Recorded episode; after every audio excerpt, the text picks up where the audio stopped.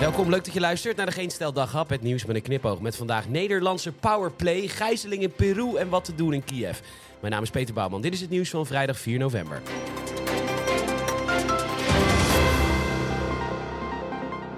Vier ministers, vier ministers reisden af naar Brussel om daar te vragen... willen jullie alsjeblieft, misschien please, de Europese regels voor Nederland wat versoepelen... zodat we niet allemaal familiebedrijven hoeven te ruïneren? Nee, was het antwoord. En dat had stikstofminister Van der Wal niet verwacht, want zo zegt ze in het AD... vier ministers maakt echt wel indruk hoor.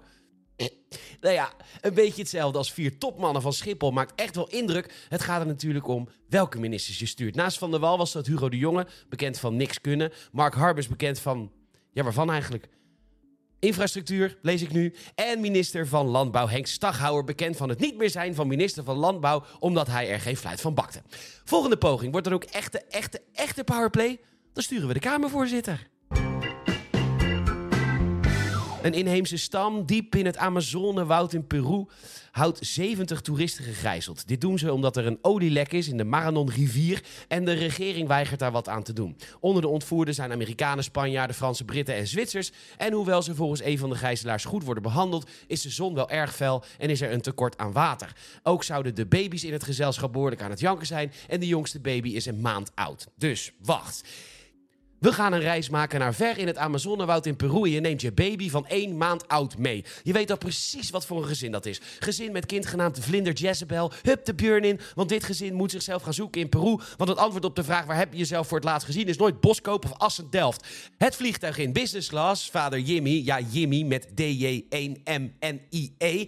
Dus niet Jimmy, maar Jimmy was nogal succesvol in de crypto. Dus de business class in KLM Bos, huisje nummer 76. Het straatje te pakken. Yes! Oh jee, Vlinder Jezebel is nog een beetje aan het huilen deze vlucht. Jimmy met Vlinder Jezebel naar de economy class om te wandelen. Want stel je voor, inchecken in een prachtig hotel in Lima. Vlinder Jezebel leuk op de foto met een paar lokale kindjes. Niet aanraken is bah! En dan met de baby diep, diep de jungle in. Want ja, want ja, ook als een kind een maand oud is, dan weet het al dingen in haar op te nemen hoor. Ja, dat weet moeder Aurora maar al te goed. Ja, zo is ze niet geboren. Ze heeft later haar naam veranderd in Aurora, omdat haar vriendinnen altijd al vonden dat Aurora het heldere licht was in hun leven. Tenminste, dat heeft geen vriendin ooit aan Aurora verteld. Maar zo voelde Aurora dat zelf vooral heel erg. En dan kon ze niet rijmen met de oorspronkelijke naam Barbara. Babs voor vriendinnen, maar ze heeft nog nooit iemand haar genoemd. Dus gewoon Barbara. Aurora weet nog precies wat voor emoties ze beleefde toen ze één maand oud was. Want ze had middels het stapbudget, waarbij elke Nederlander 1000 euro moet uitgeven aan nuttige cursussen. Een cursus hypnotiseren gevolgd. Zo'n verrijking in het leven van Aurora. Want ze kon helemaal terug naar haar eerste levensmaanden. En het verrast u misschien niet.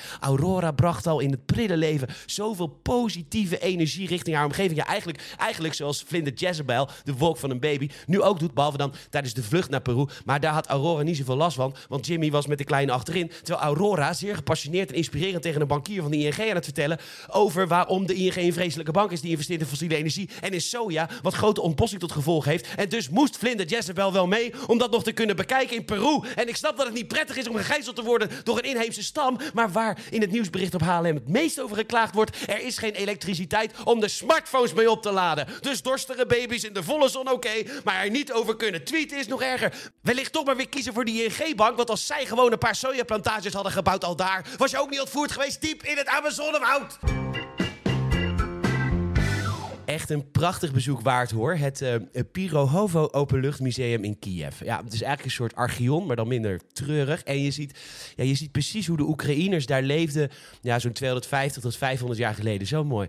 Of wat dacht je van het Micro-Miniaturenmuseum, ook in Kiev. Zo knap. Hoe verschillende kunstenaars op zo'n klein oppervlakte zoiets moois kunnen maken. Hè?